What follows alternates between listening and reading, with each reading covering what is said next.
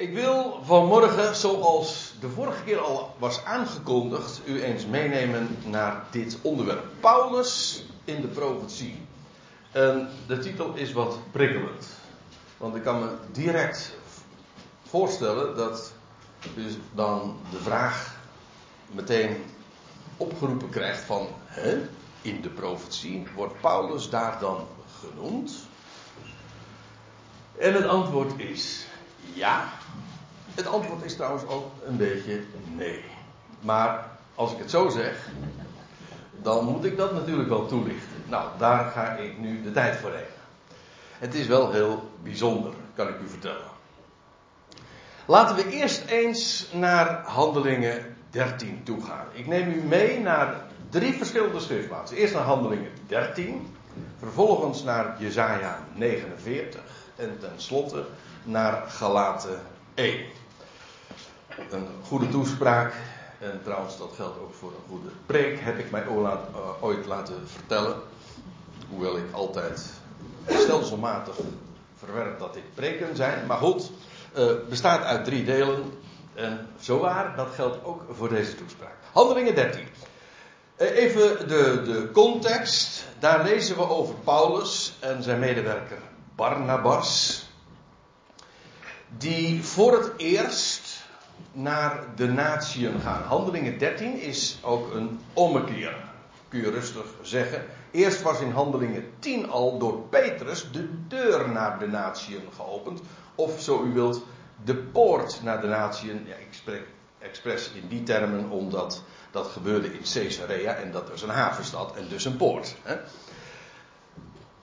Dat was door Petrus gedaan, die had de deur opengezet, maar het is vervolgens door Paulus die via die poort, ook letterlijk trouwens, naar de natieën gaat. Via de poort naar de Volkerenzee. En dat zie je voltrekken in Handelingen 13. Voor het eerst. Het is trouwens ook in Handelingen 13, vers 9 om precies te zijn, dat Paulus in zijn identiteit nogal een ommekeer meemaakt. Nou ja, in zijn naam. Want daar wordt Saulus Paulus. En dat, die naamsverandering, hij heet voor de handelingen 13 consequent Saulus. En na handelingen 13, vers 9, heet hij consequent Paulus. Nooit meer Saulus. Dus dat is nogal markant. Trouwens, dat wordt daar dan ook in dat vers 9 gezegd. Saulus, anders gezegd Paulus. En dat was omdat hij in aanraking was gekomen met een Romeinse proconsul, een soort van stadhouder of zo. En die man die heette Sergius Paulus. Ja.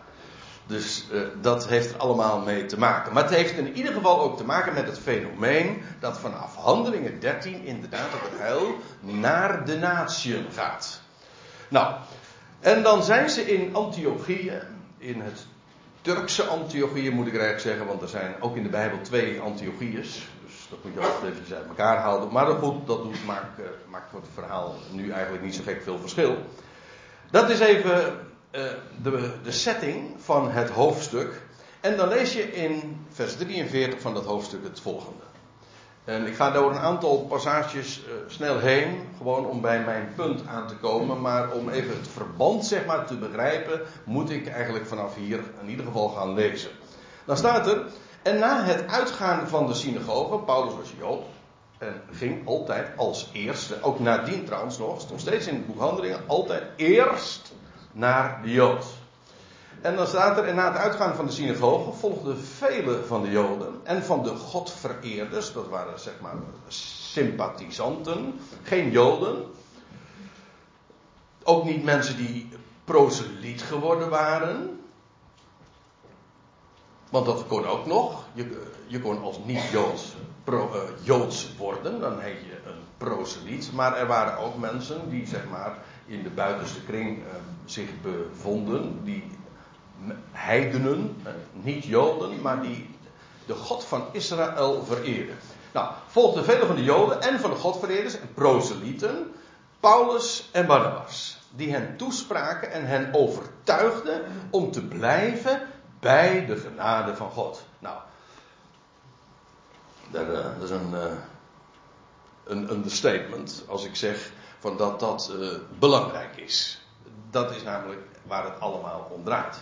Eenmaal de genade van God gehoord hebben is één ding, maar om daar vervolgens ook bij te blijven. Niets anders dan dat.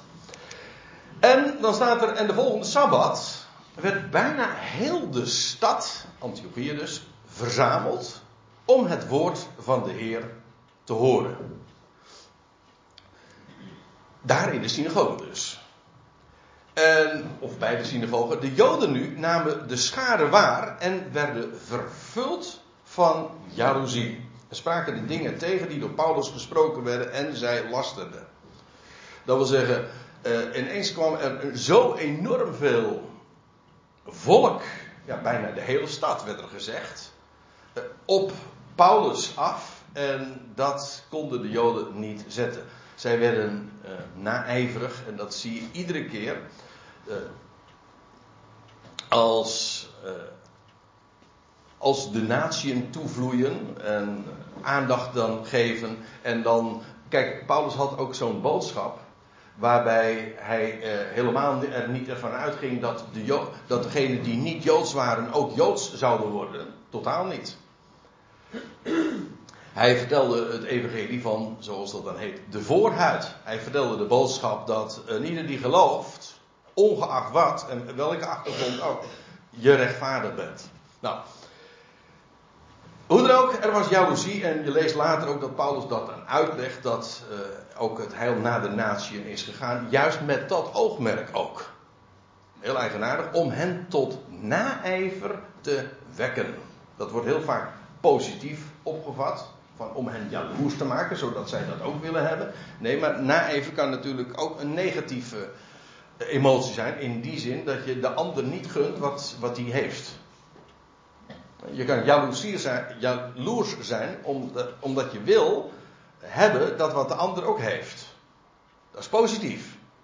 Maar negatieve jaloezie is dat je dat wat de ander heeft, hem of haar misgunt.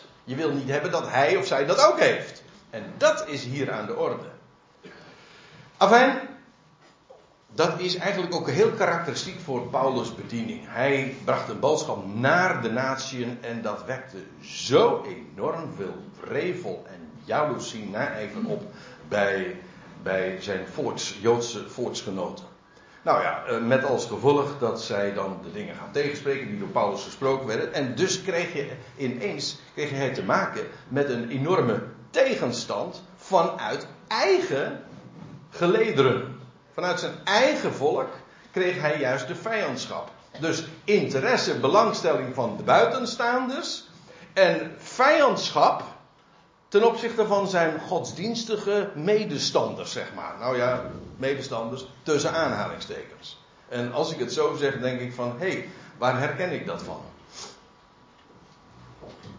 Nou,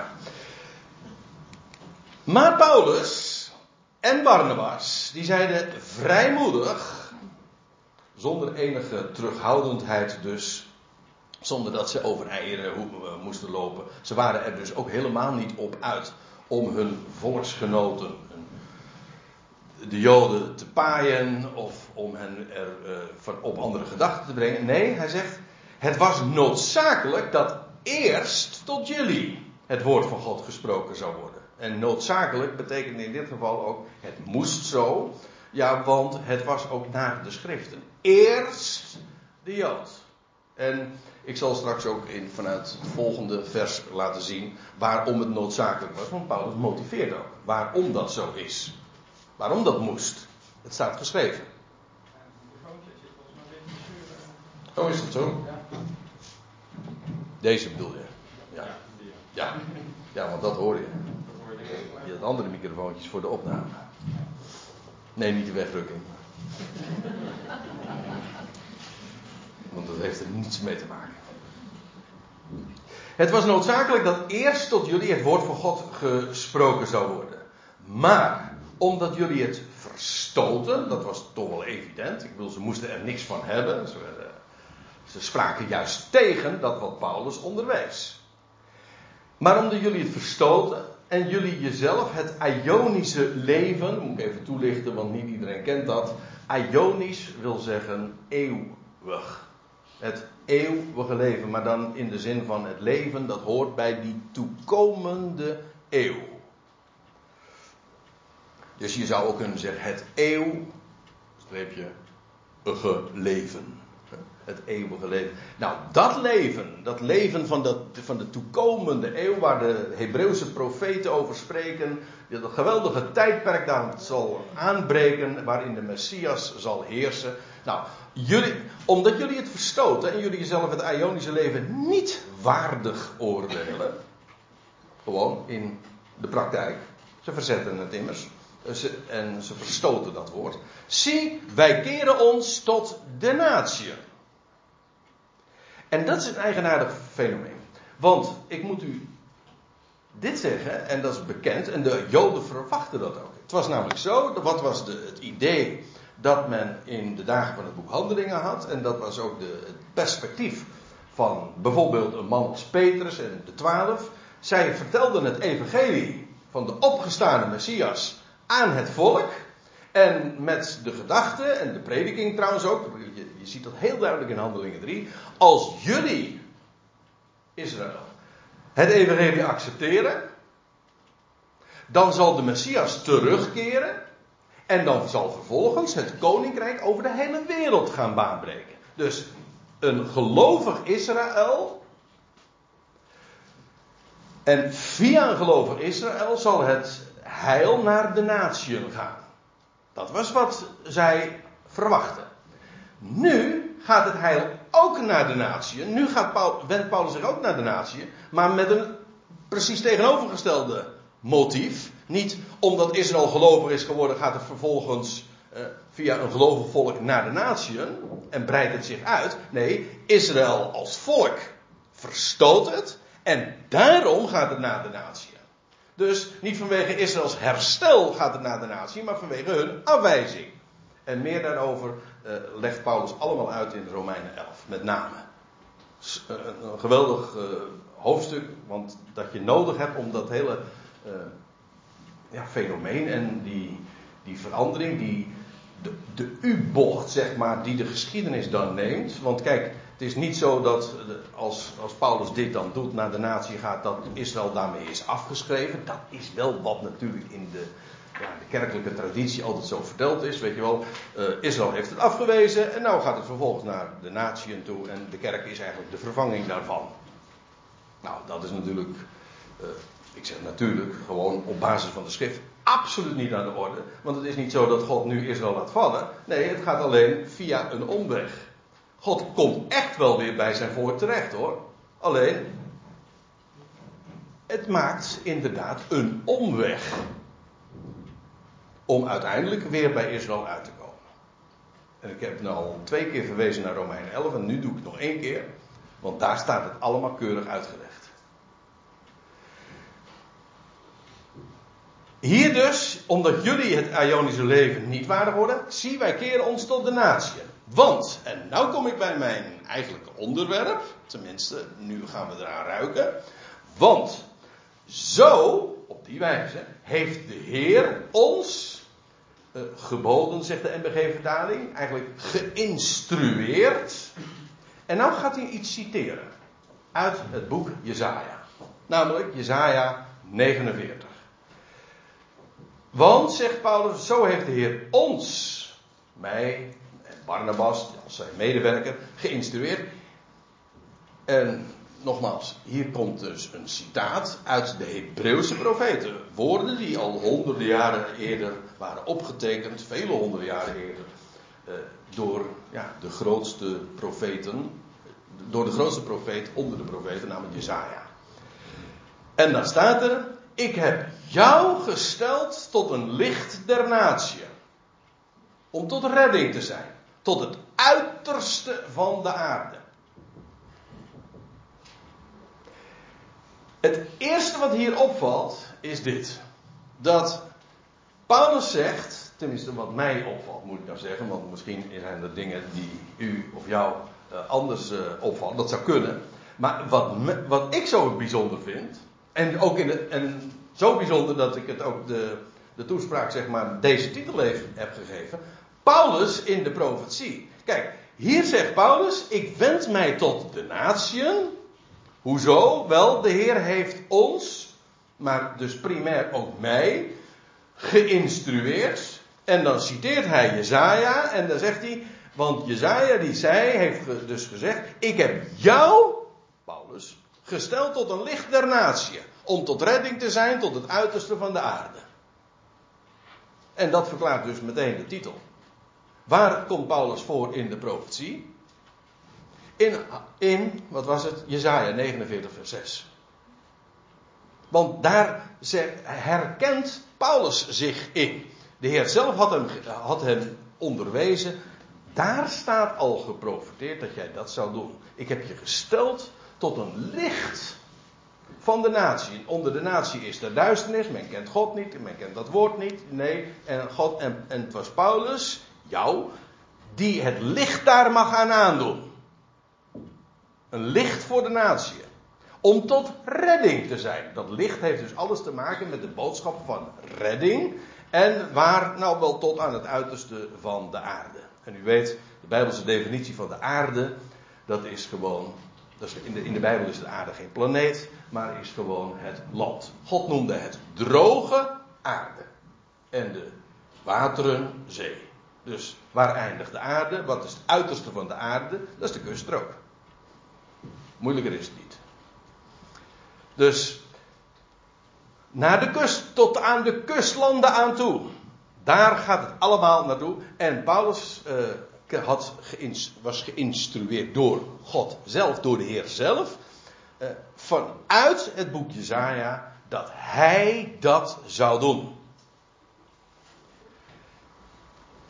En dat is dus nu ook de vraag die wij uh, onszelf nu stellen. Als Paulus dat dan zo zegt. Hij zegt, ik ben geïnstrueerd door de Heer zelf. En het feit dat ik nu naar de natie ga, dat heeft alles te maken met wat in de profetie al staat geschreven. En oké, deze, deze zin begrijpen we. Hè, daar wordt iemand aangesteld om, om zich te wenden tot de natie, om daar het licht aan te doen en om, om te spreken van redding tot aan de, aan de kustlanden aan toe. Maar dan ga je toch de vraag stellen: Nou, wil ik wel eens weten wat er in die profetie dan allemaal staat geschreven? Nog meer. Want ja, dit is dan één tekst, maar wat is dan de context? Wat is de samenhang? Wat is de omgeving daarvan? Vindt u ook niet dat we dan maar eens naar Jezaja 49 toe moeten gaan? Nou, dat doen we dan ook. Maar ook dan moet ik weer eh, even niet in vers 6 beginnen, maar in vers 1. Eerst even nog dit. In Jezaja vinden we een viertal profetieën over de knecht van Yahweh. Waarvan de laatste ongetwijfeld de bekendste is. Nou ja, de bekendste niet in het Jodendom, daar wordt hij stelselmatig omzeild. Echt, dat is heel apart. Jezaja 53, dat is de vierde profetie aangaande de knecht van de Heer. Of de knecht van Yahweh. Uh, die profetie wordt in de liturgische voorlezing altijd, al sinds eeuwen, stelselmatig vermeden. Alle teksten, alle schriftplaatsen eh, passeren, behalve die belangrijke profetie. Want ja, als je die leest, dan, dan struikel je erover. Ja, ik zeg het expres zo, omdat het uh, door Jezaja zelf ook zo genoemd wordt. Want de Messias is een struikelblok. Oké.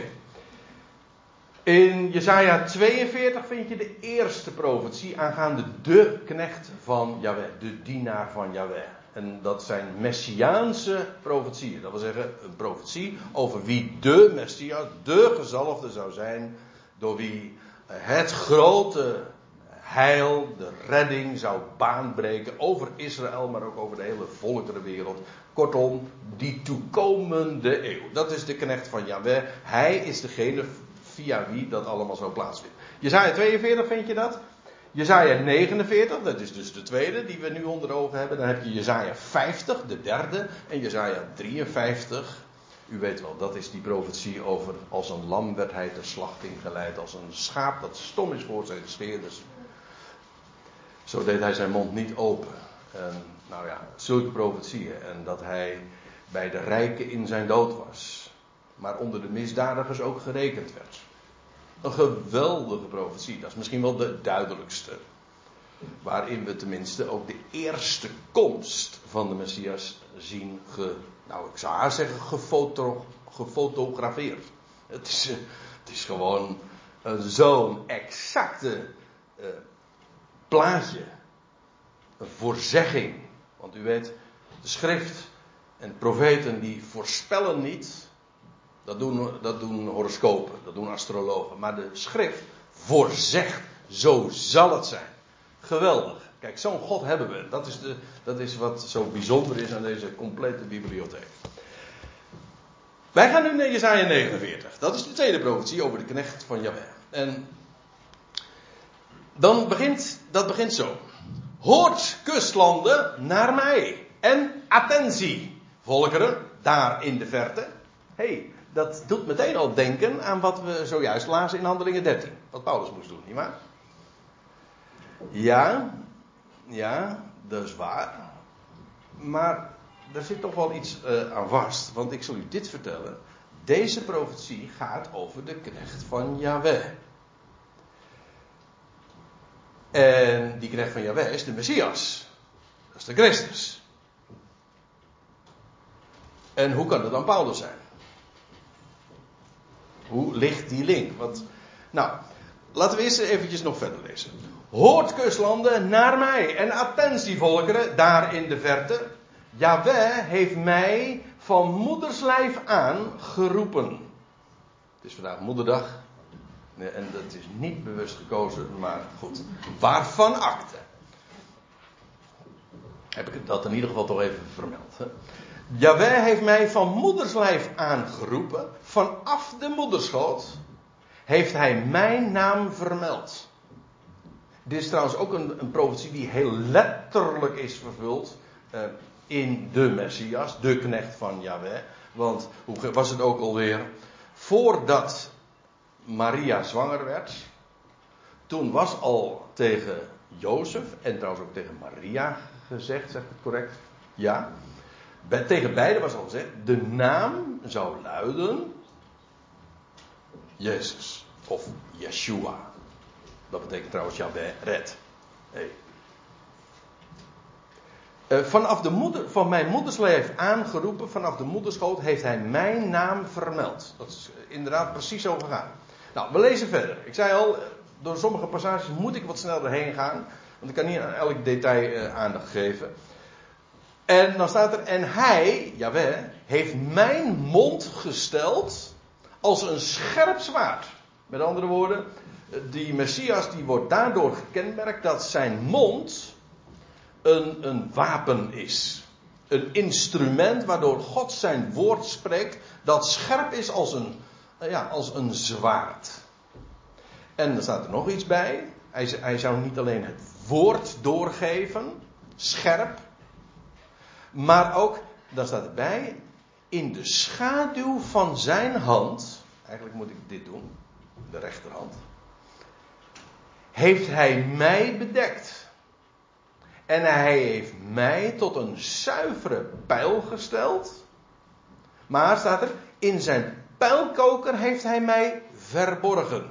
Twee keer een woord die aan elkaar gekoppeld zijn, namelijk bedekt en verborgen. hey, uh, die Messias, die zou dus het woord van God gaan spreken, zelfs tot aan de kustlanden aan toe, jawel, maar hier wordt gezegd, uh, hij bedekt mij. Hij verbergt mij. Als het ware als, als, als een geheim wapen. Verbergt hij mij. En dan staat er in de schaduw van zijn hand. Hé, hey, laat ik het anders vragen. Wat weten we van de, wat, wat, er is, wat er is gebeurd met de Messias? Waar is hij nu? Laat ik het zo vragen dan. Waar is de Messias nu? Hij is verborgen. Aan Gods rechterhand. Hij gaat straks ingezet worden. Maar tot die tijd is hij verborgen in Gods pijlkoker. En feitelijk is dat ook de, de huidige positie van de Heer Jezus Christus, van de Messias.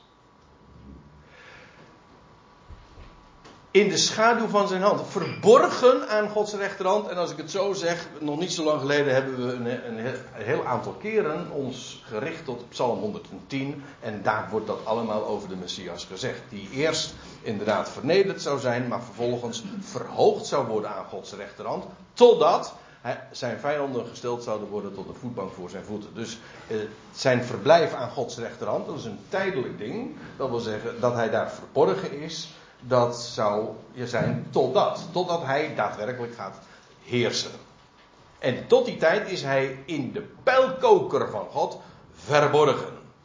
En bedekt. Nou, uh, ik zei al, ik, verdere, verdere details laten we even achterwege. Genoeg is om vast te stellen, de Messias wordt bedekt en verborgen. Oké. En, nu vers 3.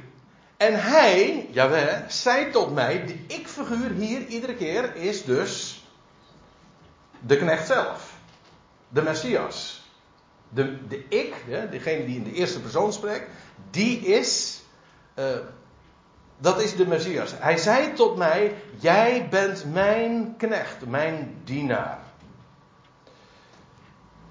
Israël, in jou toon ik mijn schoonheid. Ik weet in de meeste vertalingen is de interpunctie anders. En, maar dat is alleen, maar lastiger. Eh, u weet wat interpunctie is? Interpunctie dat heeft te maken met leestekens. Met punten, met komma's en uh, andere leestekens. En uh, dat is namelijk een, een, nogal, ja, soms een tricky aangelegenheid. Want ja, hoe is het in onze taal? Zie je gewoon dat een zin eindigt gewoon daar waar een punt staat en waar de volgende zin dan weer begint met een hoofdletter. Zo werkt dat in het Hebreeuws niet. En trouwens in het Grieks ook niet.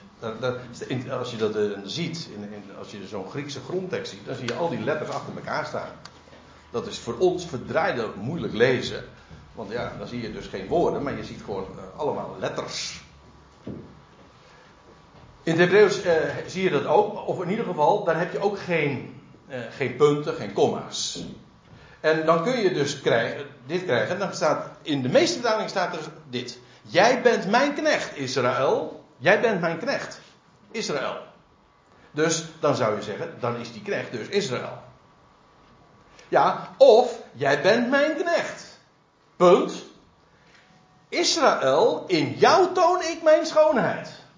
Ja, wacht even, maar dat is een heel andere zin dan is Israël dus niet de knecht. Nee, de knecht wordt hier aangesproken. En in Israël wordt Gods schoonheid, en trouwens ook ja, via die knecht ook, getoond. En lees even door, ik, dat ga ik zo direct doen, dus dat hoef ik nu even niet te doen. Maar lees even door. Dit is de enige logische gedachte en lezing.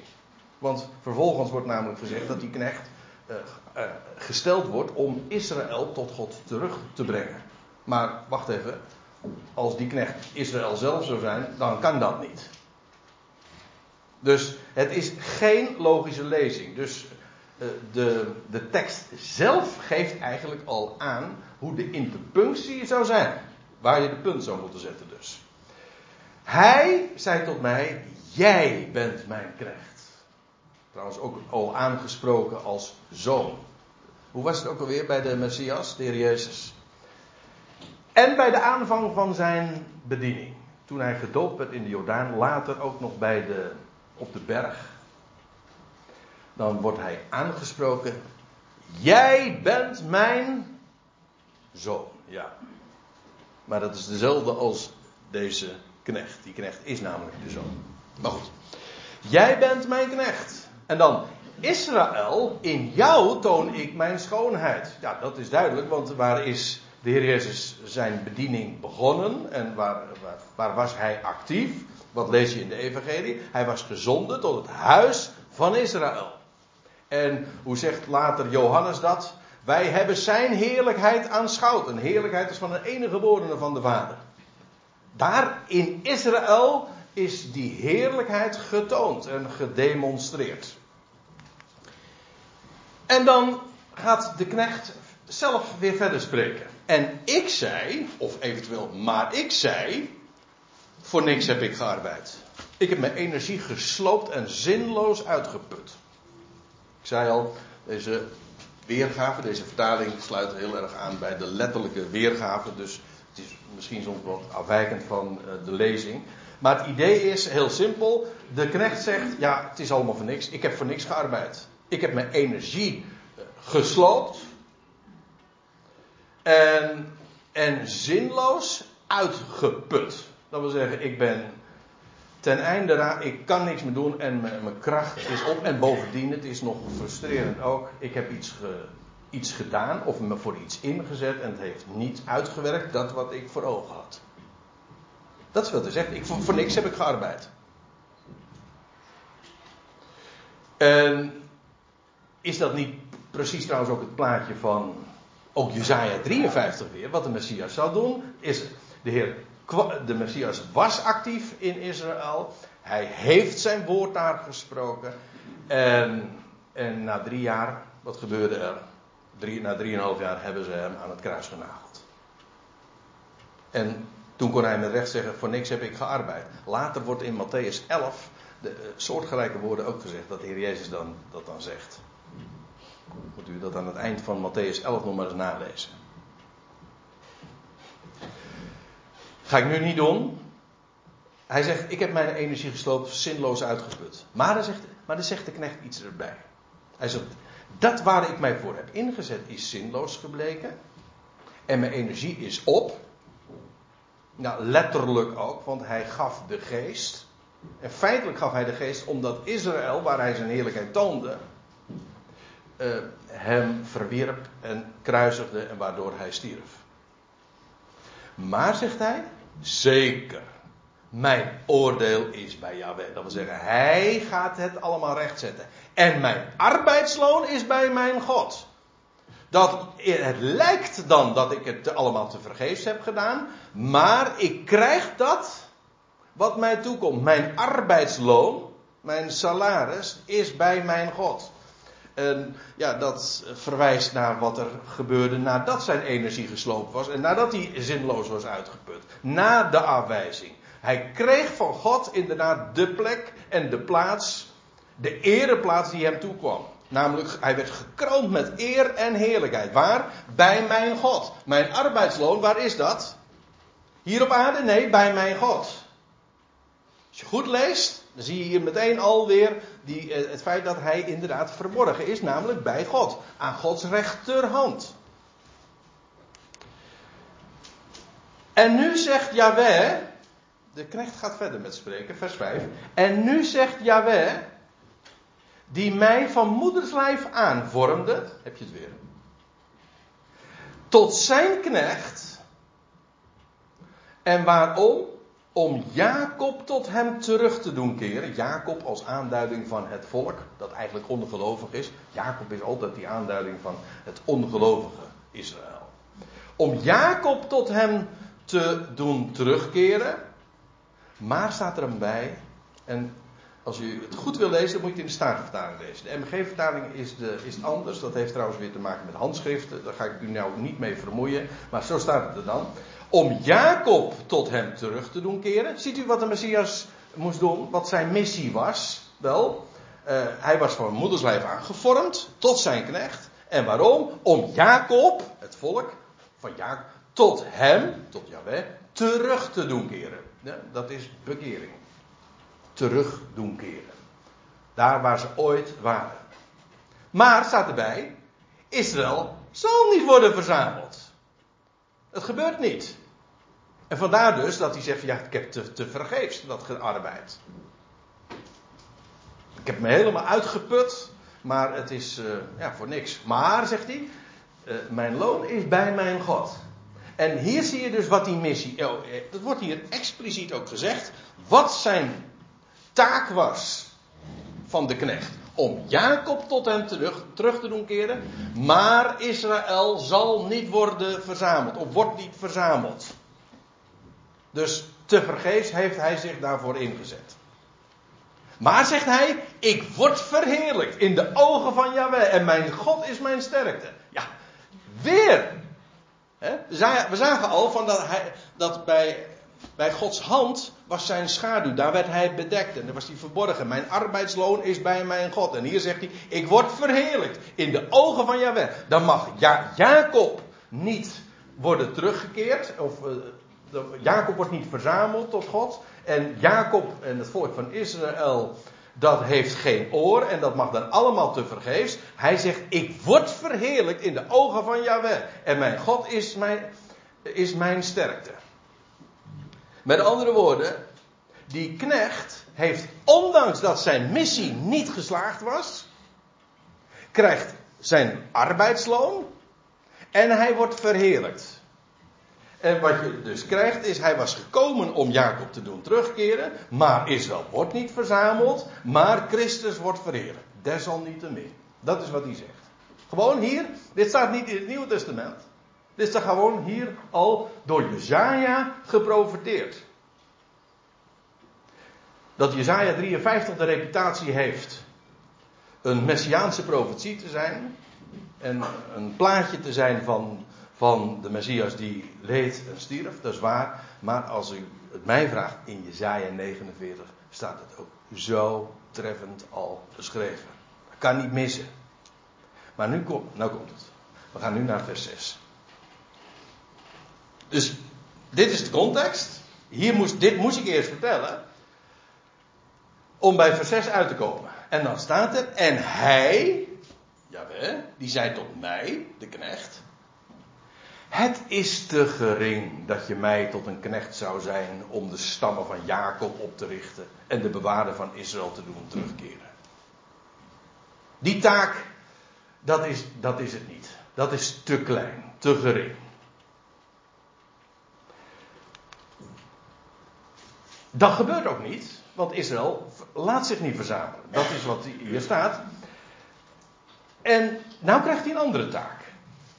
Niet de stammen van Israël worden opgericht. Niet de bewaarden van Israël keren terug. Maar wat gebeurt er dan wel? Nou, dan staat er.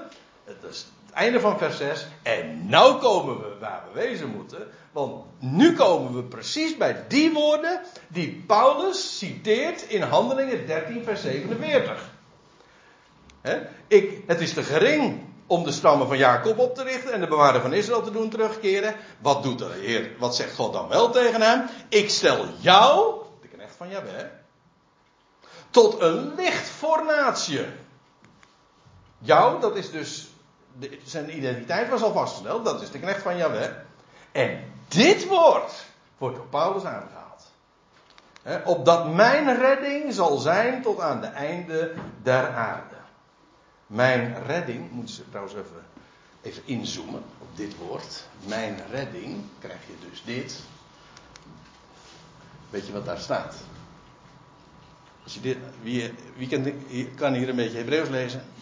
Hier staat gewoon Yeshua. Gewoon Yeshua, gewoon de naam van Jezus. Exact. Mijn redding, dat wil zeggen, eh, de mijn, dat is hier, Jaweh, mijn redding zal zijn tot aan de einde der aarde. Dus de redding van Yahweh. Maar wat betekent Yeshua? Yeshua betekent Yahweh is redder. Mijn naam. dat, hoe was het ook alweer? U hebt mijn naam vermeld vanaf de moederschoot al. Ja, met recht.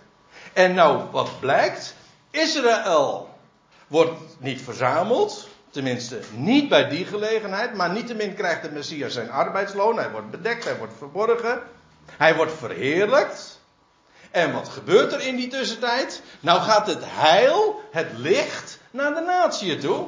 En mijn redding, de boodschap van redding, dat Yahweh redder is, ja, die gaat tot aan de einde der aarde. En dat is precies waar Paulus het over heeft in zijn bediening. Waarna natuurlijk een andere vraag zich aandient. En die vraag heb ik al een beetje uh, aangegeven in het begin. En hoe kan dat nou? Dit, kijk, op zich is dit heel bijzonder. Jezaja 43 vers 6 gaat inderdaad dus over dat moment, over die fase in, de, in het plan van God, dat de knecht wordt afgewezen door Israël. Israël wordt niet verzameld, maar hij krijgt wel wat hem toekomt en hij krijgt zijn plaats bij God. En ondertussen gaat dan het heil of het licht, de, red, de boodschap van redding naar de natie toe. Nou, dat is in feite waar we het in deze tijd ook over hebben. Ik bedoel, in deze tijd, in deze bedeling. Kijk, dit is een, een plaatje van, van de tegenwoordige tijd. En Paulus zegt, in feite gaat dit over mij. De Heer heeft mij geïnstrueerd, dat ben ik. En dat laat zich heel gemakkelijk verklaren, want inderdaad, Israël heeft, staat op een zijspoor tijdelijk. En nu gaat de boodschap naar de natieën toe. Maar de ene vraag die overblijft nu nog is: hoe kan dat in Jezaja gezegd worden van Christus, terwijl Paulus zegt het gaat over mij? Nou, nou neem ik u tenslotte nog mee naar Galaten 1. Want daar vinden we eh, keurig een antwoord. Je zou het antwoord goed, uh, als je logisch over deze dingen even doordenkt, over ze overweegt, zou je het eigenlijk zelf kunnen bedenken hoor. Maar daar ben ik niet zo van. Uh, laten we gewoon de schrift spreken en dan kom je. En dan kun je eventueel bevestigd worden in datgene wat je zelf eigenlijk al had kunnen uh, calculeren, zeg maar. Goed, gelaten 1. Want, zegt Paulus, Jullie hoorden, ik, ik ga laten 1 vanaf vers 13. Ook hier haak ik weer eventjes aan bij een, ja, in, in Paulus' verhaal. We, we steken hier, we steken, of we haken hier aan bij wat hij zegt. Jullie, schrijft hij aan de Galaten, waar hij ooit gepredikt had. Um, nou zegt hij dit. Jullie hoorden van mijn gedrag ooit in het Jodendom.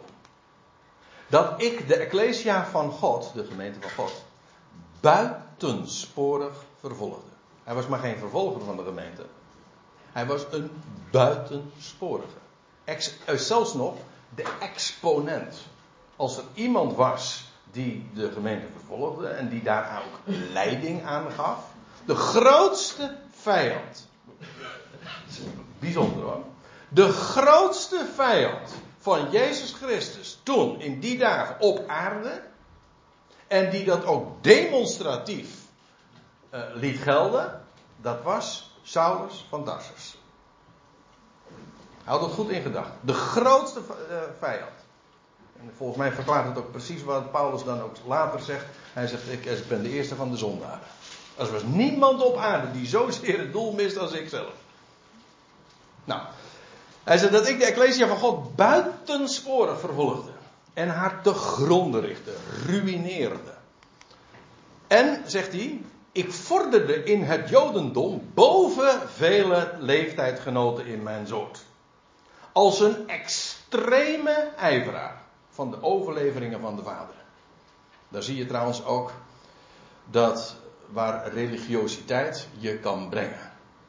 Het is niet zo dat als je nou maar heel erg uh, toegewijd bent en hoe des te meer je ijvert voor de overleveringen, voor de tradities en voor de godsdienstige zaken waar je mee bent opgevoed, dat dat je bij het evangelie brengt of zo. Integendeel. Dat maakt je de grootste vijand. Dat was Paulus' persoonlijk verhaal. Maar hij had het heel ver gebracht je leest ook, hij, hij, zat aan de voeten van Gamaliel. Gamaliel was de rabbijn in die dagen. En, en hij ja, was in die leerschool. En hij zegt, ik vorderde in het jodendom. Dat wil zeggen, ik had daar gewoon... Je kan ook in godsdienstige zin een carrière maken. En hij zegt, ik had een carrière. Hij, zegt, hij was een, uitmuntende leerling, student. hij zegt, ik vorderde in het jodendom, in het judaïsme... boven vele leeftijdgenoten in mijn soort. En hij was ook een extremist. Hè? Ja, wij uh, geven altijd een negatieve lading aan die, dat begrip extremist. En ik begrijp dat ook wel, ik spreek dat niet tegen. Maar eventjes van de positieve kant benaderen.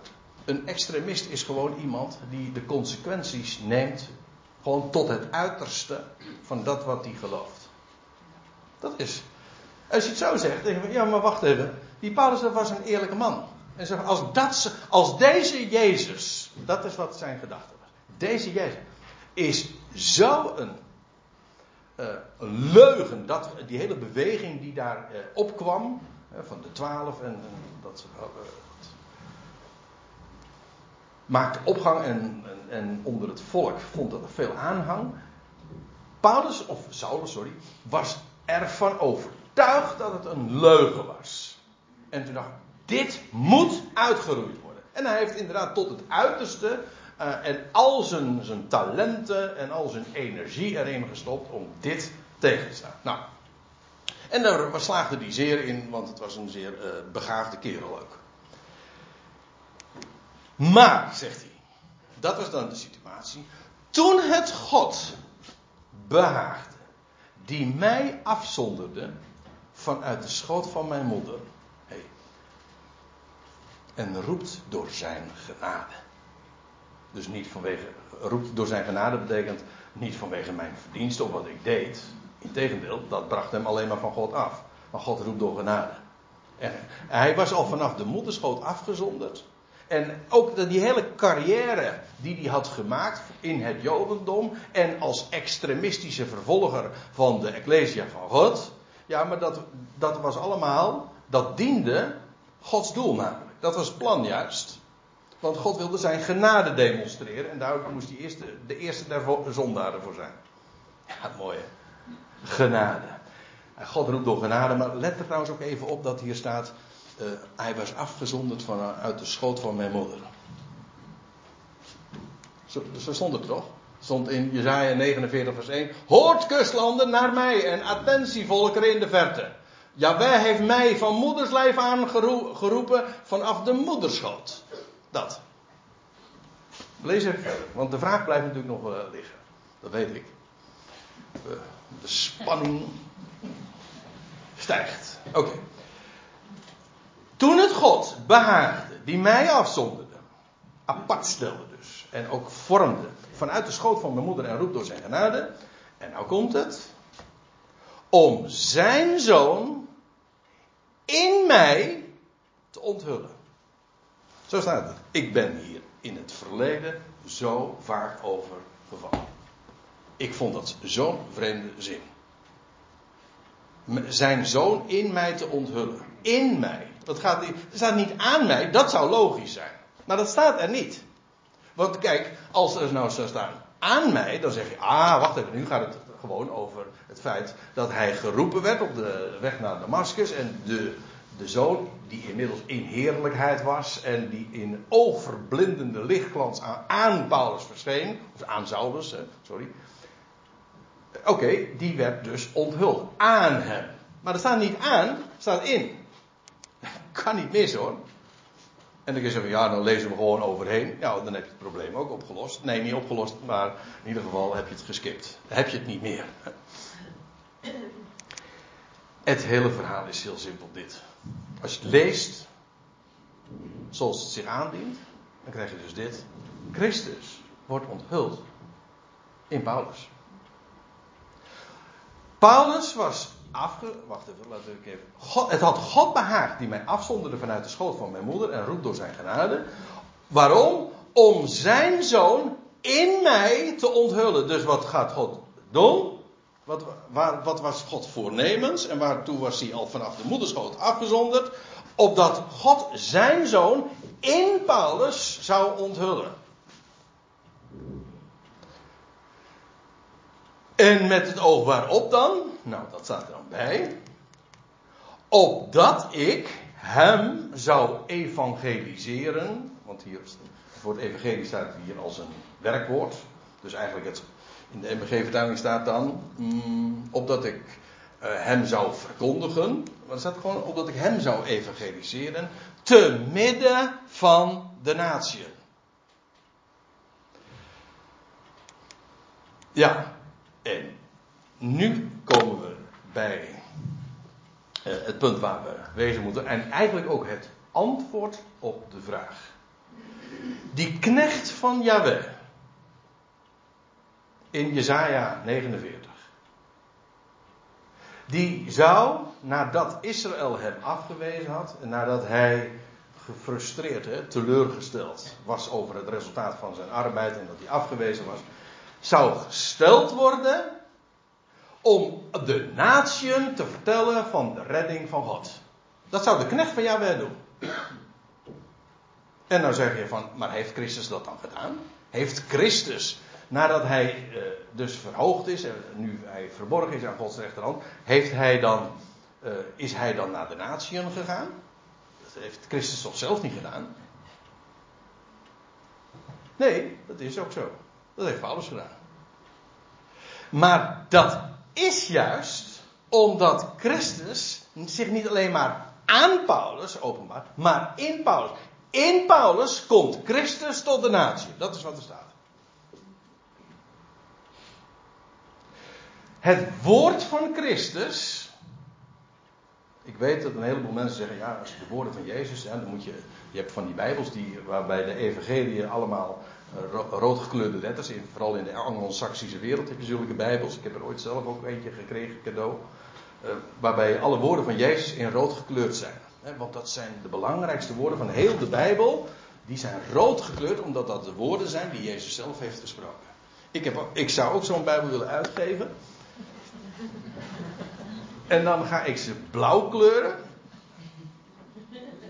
Ja, ja, ja, er is, er is over nagedacht. Uh, namelijk de woorden die Paulus heeft opgetekend in zijn brieven.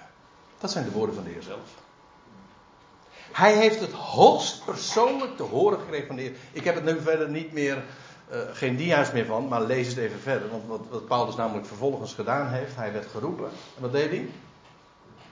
Is hij, meteen, is hij eerst naar Jeruzalem gegaan om te zeggen van nou ja, nu, ik hoor nu ook bij jullie. Uh, heeft hij later wel gedaan en ze wilden hem eigenlijk helemaal niet geloven. Dat je ook wel natuurlijk. Maar uh, nee, hij ging, want de Heer had tegen hem gezegd toen hij, toen hij hem riep. Hij zegt, I'll be back soon. Dat wil zeggen, ik, ik ga je weer ontmoeten. Ik heb nog een heleboel jou te vertellen. Want wij denken van de Heer heeft zich geopenbaard aan Paulus. En nou ja, nee, maar Paulus is ook door de Heer zelf onderwezen. Paulus is naar Arabië gegaan. En daar in Arabië, waar trouwens ook de Sinaï zich bevond, ooit Mozes is onderwezen. Daar naar Arabië is hij gegaan. En daar is hij door de Heer zelf onderwezen. En het evangelie wat hij brengt onder de natieën, dat is gewoon niks anders dan het woord van Christus zelf vanuit de hemel. Niet aards, niet rood, maar hemelsblauw. Dat zijn de woorden van Paulus. Van, van de Heer zelf, van Christus Jezus. Wil je weten wat Christus Jezus vandaag onder de natieën te melden heeft? Dat is actueel, dat is namelijk precies wat voor ons nu ter zake is, dan moet je bij Paulus wezen. En dat staat allemaal verborgen in Jesaja 49. Want ik weet het, het is niet geopenbaard, maar het staat er wel degelijk verborgen. En wat Paulus ook doet in zijn brieven is de verborgenheid onthullen. Dat wat in de schriften verborgen was, het stond er wel, alleen bedekt. Ja, hij haalt de, de sluier daarvan af. En je ziet het allemaal pontificaal. Wauw, geweldig. En zo is dat woord dat Paulus onder de natieën mag vertellen. Over de grote redder. Mijn redding, Yeshua. Uh, terechtkomen onder de natieën. En dat is niks anders dan het woord van de opgewekte, wat zeg ik, de verheerlijkte, de hemelse Heer zelf. Ik zou nog een heleboel andere schriftplaatsen kunnen laten zien waar dat ook staat. En voor degenen die uh, daarin geïnteresseerd zijn, nou misschien moeten we hier dit nog maar eens een keertje gaan vervolgen. Maar dan kom je bijvoorbeeld bij Efeze 2 uit, waar je ook leest dat de Heer zelf niet alleen maar tot degenen die nabij zijn, maar ook degenen die veraf zijn, heeft geëvangeliseerd. Dan krijg je exact hetzelfde verhaal.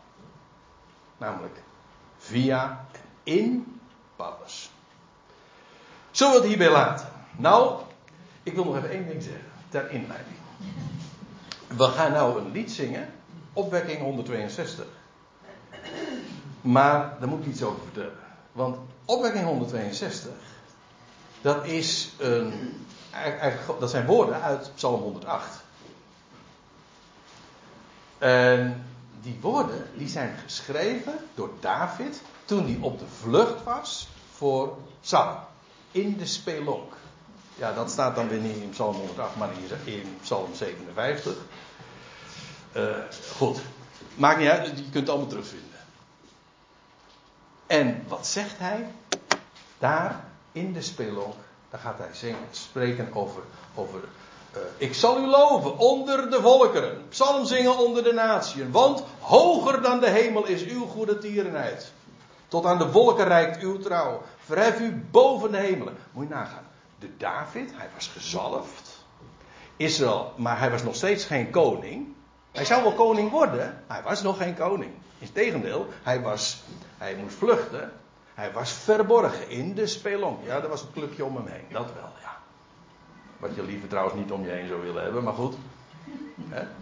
En in die tijd dat hij verborgen is, zingt hij over uh, de boodschap die onder de natieën gesproken wordt. En over Gods hemelhoge trouw en de goede tierenheid die hoger is dan de hemel.